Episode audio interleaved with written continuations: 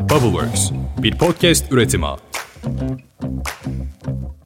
Podcast Pandora'nın kutusuna hoş geldiniz. Ben sağduyunuz Umutlu Umut. Geçtiğimiz bölümden beri bir haftayı daha geride bıraktık arkadaşlar. Zaman akıyor gördüğünüz gibi. Ve geçen haftaki bölümümüz 17 Ocak'ta yayınlandı. 17 Ocak Quitter's Day. Yani yeni yılda kendilerine hedefler belirleyen insanların %92'si 17 Ocak'ta elenmiş oluyormuş yapılan çalışmaya göre. Kendine verilen sözlerin tutulma oranı %8, koyulan hedeflere ulaşılma oranı da %5. Aradaki %3'lük dilim de metodolojide yapılan hatalardan sanıyorum. Yani hayatla ilgili köklü değişiklikler yapmak isteyenler için çağrımdır. Zaman geçiyor hadi hareketlenmek lazım.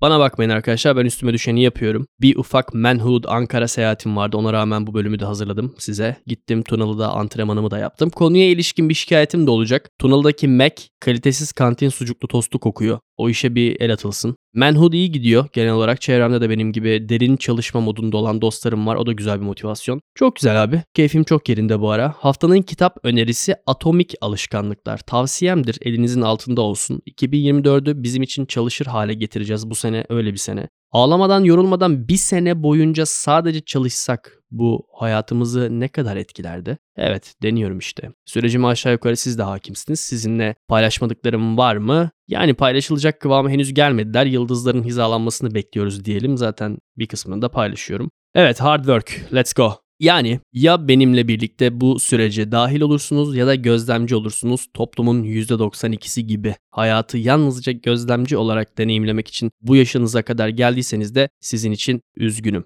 Ama %92'ye dahilseniz de üzülmeyin. Önümüzde kendinize verdiğiniz sözleri yine tutmayacağınız bir 2025 yıl olacak. Fırsatlar her zaman var yani kaçmıyor gördüğünüz gibi. Fly me to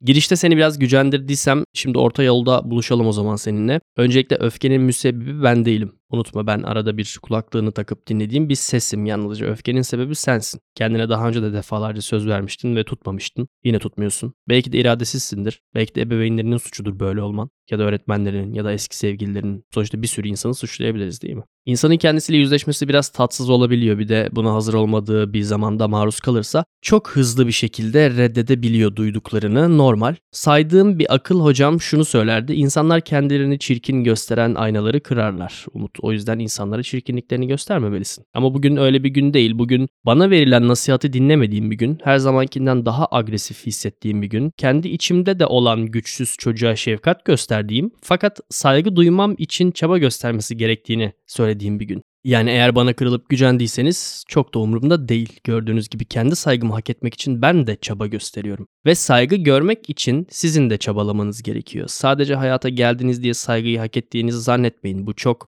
21. yüzyıl altı boş bir popüler kültür düşüncesi öyle bir şey yok. Siz de çaba göstermeyin insanlara saygı duymuyorsunuz. Kimse duymaz. Sadece herkes herkese saygı gösterdiğini söyler. Böyle bir toplumuz artık. Dinleyicilerin bir kısmını eledik. Biz bize kaldık dostlarım. Şimdi biraz daha samimi sohbet edelim sizinle. Öncelikle hepinize selamlar. Biraz agresif bir giriş yaptık fakat bazı şeyleri fark etmek gerekiyor. Her bilgi herkes için değil. İşimize bakalım. Öncelikle bunu size neden bu şekilde anlatıyorum? Size bunu en ham haliyle çok net bir şekilde söyleyeceğim. Çünkü benim anlattıklarımla içinizden birinin hayatını etkileyebilirsem Pandora'nın kutusu amacını tamamlamış olur. Ben yaptığım işte kendimi tatmin hissederim. Zaten önemli olan da bu. Önce neden yapamadığımızla başlayalım. Yani neden verdiğimiz kararları uygulayamadığımızla. Niyetimizi ortaya koyuyoruz bir şeyleri daha iyi yapmak istiyoruz belli ki. Spor yapacağım, kitap okuyacağım, sağlıklı besleneceğim diye söz verebilir oluyoruz kendimize. Bunu isteyebilecek hatta söyleyebilecek kadar niyet koyuyoruz ortaya süper. Fakat devamı niçin gelmiyor? Neden 17 Ocak olmadan %92'miz patlıyor? Sebeplerin biri şu. Uyanık olduğumuz vaktin yarısını yaptığımız işten başka bir şey düşünerek geçiriyoruz. Yani günümüzün yarısı odaklanamayarak geçiyor. Günde 8 saat uyuduğumuzu düşünürsek 16 saat uyanığız. Bunun yarısı yani yalnızca 8 verimli saatimiz kalıyor. Bunun verimliliğini arttırmadan önce 8 verimli saati uzatmak gerek. Çünkü her gün 8 saati çöpe atmak gibi bir lüksümüz yok. Hayatımızın %33'ünden bahsediyoruz. Çöpe atamayız. Çok büyük, çok fazla. Şöyle bir zihin egzersizi yapalım. Bir gün evinize bir mahkeme celbi geliyor. İşlemediğiniz bir suçtan dolayı hapse atılıyorsunuz. Cezanız da 30 yıl. 30 koca yıl. Ben 29 yaşındayım arkadaşlar ve çoğunuzdan da büyüğüm istatistiklerden gördüğüm kadarıyla. Bu bahsettiğim süre benim hayatımın tamamından bir yıl daha uzun ve böyle bir şey başımıza gelse hayatımızın bittiğini düşünürüz normal olarak herkes gibi. Fakat şu an yaşadığımız hayat düzeninde bu bahsettiğimiz senaryodan çok daha farklı bir yaşamımız yok. Şu an podcast'i durdurun ve ayarlardan ortalama ekran sürenizi kontrol edin. 15 saniyeniz var.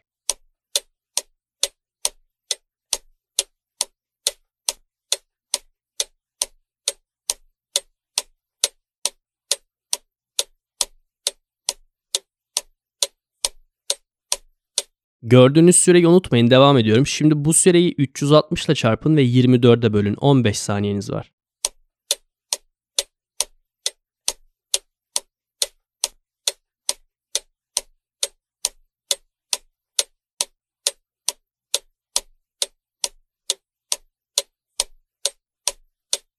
Gördüğünüz sayı bir yılda kaç gününüzü telefona bakarak geçirdiğiniz. Şimdi herhangi bir işte ortalamanın üstünde bir yeti kazanmak için 41 gün yeterli. 41 gününüzü bir işe ayırırsanız aralıksız 41 günden bahsediyorum. O işte belirli bir yeterliliğe sahip olursunuz. Şimdi telefonda geçirdiğiniz sürenin ne kadar fazla olduğunu idrak edebiliyor musunuz? Bir yılda telefonunuzda hesap makinenizin ekranında gördüğünüz kadar gün harcamışsınız. 41 günü bir şeye, bir yeteneğe ayırmış olsaydınız o yetenekte yeterlilik kazanmış olacaktınız. Hayatınıza neler ekleyebilirdiniz fakat bu süreyi telefonunuza bakarak geçirdiniz. Üzülün diye söylemiyorum. Potansiyeli ve olasılıkları görmenizi istiyorum. Ve Z jenerasyonu üzerinde yapılan bir çalışmada diyor ki bu arkadaşların yani Z jenerasyonun ekran süresi günde 9 saat. Sadece telefon değil bütün ekranlar. Bir yılda 168 gün yani hayatlarının üçte biri bütün hayatın üçte birini ekrana bakarak geçirmek. 90 yaşına geldiğinizi kabul edersek 30 koca yılınızı yani benim yaşımdan bir yıl daha fazla bir süre bu süre boyunca ekrana bakmış olacaksınız. Ne için? Ucuz dopamin. Sadece bu. Az önceki zihin egzersizine dönecek olursak yani hiçbir suç işlememenize rağmen kendinizi ucuz dopamin için 30 yıllık bir mahkumiyet yaratıyorsunuz. 30 yıllık hapis cezasını hayat bitiren bir durum olarak değerlendiriyorsak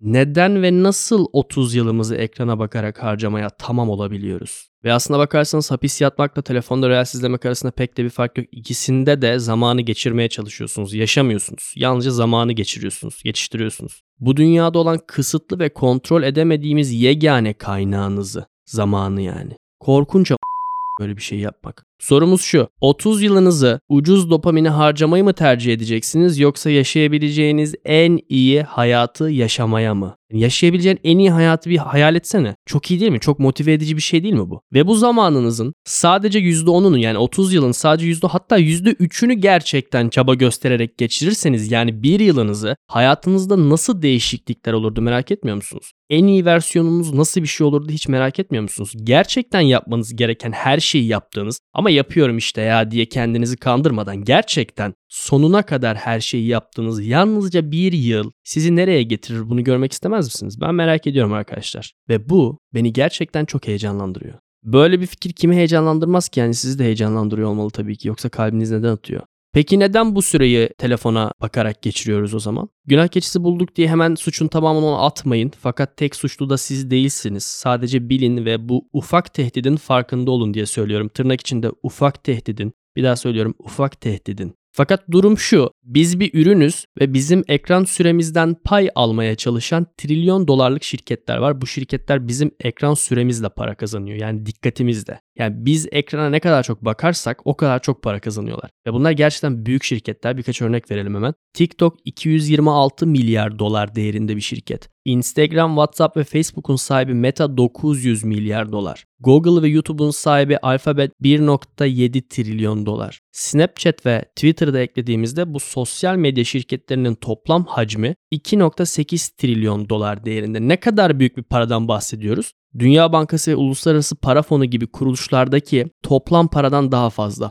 Dünyadaki tüm petrol ve doğalgazı satın alsanız üstüne hala Miami'de birkaç düzene yazlık alabileceğiniz kadar paranız kalır. Bu kadar büyük bir paradan bahsediyorum. Ve bu şirketler şans eseri buraya gelmediler. Bizim ekran karşısındaki deneyimimizi, kullanım alışkanlıklarımızı ve her türlü ufak detayı araştırmak için milyonlarca dolar harcıyorlar ki biz içeride kalalım. Çünkü bu şekilde para kazanıyorlar. Bu uygulamaların hiçbirindeki hiçbir şey tesadüfen şu an olduğu gibi değil. Her şey hesaplı. En ufak bir butonun yeri bile hesaplı. Bu multi trilyon dolarlık şirketlerin tek amacı zamanımızı almak ve hepsini almak. Durmuyorlar. Çünkü görüyoruz yani bizi içeride tutacak sürekli bir yenilik ve güncelleme getiriyorlar. Önce sadece fotoğraf paylaşıyorduk. Sonra video paylaşabilir olduk. Sonra hikaye, canlı yayın, durum, real sürekli bir tüketim malzemesiyle besliyorlar bizi ve bizi mikro alışkanlık düzeyinde en temelde etkilemeyi başardılar. Mikro alışkanlık mekanizması çok düz çalışıyor. Yaptığımız her işin beyinde bir nöral yol haritası var ve biz aynı şeyi yapmaya devam ettikçe o nöral yol haritası biraz daha sağlamlaşıyor. Bunu dümdüz bir çayıra benzetelim yani boş beyin dümdüz bir çayır. Bu çayırda otlara basarak bir defa bir yoldan yürüseniz arkaya baktığınızda yürüdüğünüz yolu böyle belli belirsiz seçebilirsiniz. Fakat aynı yolu defalarca yürürseniz orası bir patika haline gelir ve o yolu yürümek kolaylaşır. Beyinde de aynı şekilde. Aynı şeyi defalarca yaparsanız bir kez daha yapma ihtimaliniz sürekli artar. Bu şekilde bazı şeyleri üzerinde düşünmeden yapabiliyoruz. Bu o yüzden beynin olağan bir adaptasyonu. Mesela dişleri fırçalamak. Esasında yeni öğrenen bir çocuk için oldukça kompleks bir ince el hareketi istiyor fakat belirli bir süreden sonra düşünmeden yapabilir hale geliyoruz. Kilit nokta bu. Düşünmeden yapmak. Yani mesela Reels izlerken bunu düşünmeden yapıyoruz çoğu zaman. Bizi bu şekilde etkiledi çünkü. Şunu deneyin. Reels izlediğini gördüğünüz bir arkadaşınıza izlediği sondan 3. Reels'i sorun. Bilemeyecektir. Çünkü bilinçli bir şekilde izlemiyor. Size sorsalar siz de bilemezsiniz. Aynı sebepten. Kaç defa telefonunuzu elinize aldınız ve bu uygulamalardan birine spesifik bir sebepten dolayı özellikle bir şeye bakmak için girdiniz ve kendinizi saçma sapan şeyler izlerken buldunuz? Kaç defa Instagram'ı kapattıktan sonra otomatik olarak hiç düşünmeden Instagram'ı tekrar açtınız? Ne kadar korkutucu olduğunu anlayabiliyor musunuz? Ve bunu nasıl yapıyorlar biliyor musunuz? Uygulamayı ilk açtığınızda sizi içeri çekecek içeriği biliyorlar. Bunu onlara söylediniz. Beğendiniz, takip ettiniz, arkadaşlarınıza yolladınız, kaydettiniz. Tam olarak neyin size uygun ve sizin dikkatinizi çekebilecek içerik olduğunu biliyorlar. Uygulamayı açtığınızda bununla karşılaşmanız beyni kapatıyor ve siz ilk başta neden uygulamaya girdiğinizi bile hatırlamıyorsunuz çoğu zaman. Mesela YouTube ve Instagram autoplay özelliği ekledi. Bazen uygulamayı açtığınızda bir shorts ya da reels otomatik olarak başlıyor. Sizi direkt içine alıyor yani hook ediyor içeri alışkanlıkların nasıl çalıştığını anlamamız gerekiyor. O yüzden bölümün başında Atomik Alışkanlıklar kitabını önerdim. Yani bu az önce anlattığım mekanizmanın nasıl çalıştığını çok daha detaylı bilmek gerekiyor. Okuduktan sonra ben belki bir bölüm haline getirebilirim fakat yakın zamanda yapamayacağım gibi gözüküyor. Sözünü veremiyorum o yüzden. Fakat kısaca alışkanlığın 3 temel prensibi var. Ondan bahsedeceğim. Birincisi işaret, bizi alışkanlığa yönlendiren dış uyaran. İkincisi rutin yani alışkanlığın kendisi. Üçüncüsü ödül, alışkanlığı kalıcı hale getiren mekanizma. Yıllardır alışkanlıklarla ilgili sadece rutinin kendisi konuşuldu. Sadece yapmaya odaklanıldı. Fakat insan organizması onu alışkanlığa yönlendirecek bir hatırlatıcı ve o alışkanlığı yapmak için bir motivasyon yani ödüle ihtiyaç duyar. Ve bu işin kilit faktörleri aslında bu ikisi. Yani ortaya sürekli bir irade koymaya çalışmak da yorucu. Mesela koşuya başlamayı planlayan insanlar üzerinde bir deney yapıyorlar. Diyorlar ki birincisi grup halinde koşacaksınız. ikincisi koşu ayakkabılarınızı baş ucunuzda tutacaksınız sürekli gözünüzün önünde olacak. Bir de koşudan hemen sonra ufak bir parça çikolata yemelerini istiyorlar. Yani birinci adım olan işaretle üçüncü adım olan ödülü dışarıdan sanal bir şekilde oluşturmalarını istiyorlar. Yani ayakkabılarının gözlerinin önünde durması onlara koşuyu hatırlatıyor. Koşudan hemen sonra çikolata yemek ödül mekanizmasını tetikliyor. Çalışmanın sonucunda 3 ayın sonunda koşuya başlayanların %58'i hala koşuya devam ediyor oluyor. Bu çok büyük bir oran. Çünkü egzersiz yapmak sancılı bir süreç. Beyin egzersiz yapmayı sevmez çünkü boşuna bir enerji israfı olarak görür. O yüzden acı çeker. Beynin ödülü egzersizden bir yarım saat sonra gelen endorfin yani doğal olarak salgılanan fakat o yarım saat sancılı bir süreç. O yüzden beyni kandırıp koşudan hemen sonra çikolata yiyerek ödülü alışkanlığın arkasına yapıştırmak çok etkili bir yöntem. Ve MR taramalarında görülmüş ki birinci adım yani işaretle üçüncü adım olan ödül esnasında beyin en aktif halinde rutin olan alışkanlığın kendisini yerine getirirken de olabildiğince inaktif çünkü enerjisini korumaya çalışıyor. Olabildiğince otomasyonla çıkartmaya çalışıyor o rutin olan alışkanlığı. İşte aynı sebepten Instagram'da Reels izlerken ne izlediğimizi fark etmeden izlemeye devam ediyoruz çünkü beyin kapalı oluyor. Bizi içeride tutan kimyasalda dopamin. Dopaminle beynimizi uyararak bizi içeride tutuyorlar. Nasıl? Yoğun şiddette uyarıcı görsel ve seslerle günlük hayatımızda karşılaşmadığımız görüntülerle uyarıcı ritmi yüksek olan müzikleri kombinleyip bize sunuyorlar. Bu da bizde dopamin salınımı yaratıyor. Dopamin bağımlılık yapan bir hormon. Daha önce bahsetmiştik. Ve beynimiz gerçekten o tecrübenin içinde olmakla bunun görsel içeriğine maruz kalmak arasındaki farkı çoğu zaman fark edemiyor ve sanki o tecrübenin gerçekten içindeymiş gibi bir dopamin salınımı oluşturuyor. Böyle bir reaksiyon veriyor ve o an salgılanan yüksek yoğunlukta dopamin yaptığınız işin ödülü olarak anlamlandırılıyor beynin içinde. Yani ne yapıyorsunuz o esnada? Instagram'da Reels izlemek. Az önceki koşu yapanların deneyinde olduğu gibi yani bir bildirim göndererek işareti oluşturuyorlar telefonunuzda. İçeri çekiyorlar. İçeride karşımıza çıkarttıkları bir video ile dopamin uyarısı oluşturuyorlar. Sonra bir tane daha izlemek istiyorsunuz. Ve bu bir davranışa, davranış da alışkanlığa dönüyor. Dostum Memoş'un da dediği gibi düşünce ekersin, davranış biçersin. Davranış ekersin, alışkanlık biçersin. Alışkanlık ekersin, karakter biçersin. Karakter ekersin, kaderini biçersin. Nihayetinde ne ekersen onu da biçersin. Bu konuyu henüz bitirmedim fakat üzerinde konuşmak istediğim başka şeyler de var. O yüzden ikiye bölmeye karar verdim. Önümüzdeki bölüme kadar bu konuştuklarımızı düşünün ve lütfen tekrar dinleyin. Çünkü unutup eski alışkanlıklara dönmek çok kolay. Yeni alışkanlıklar kazanmak çaba gerektiren bir şey. Podcast Pandora'nın kutusu dinlediniz. Bu hafta benden bu kadar. Haftaya bölümün devamını dinlemek için burada buluşalım. I love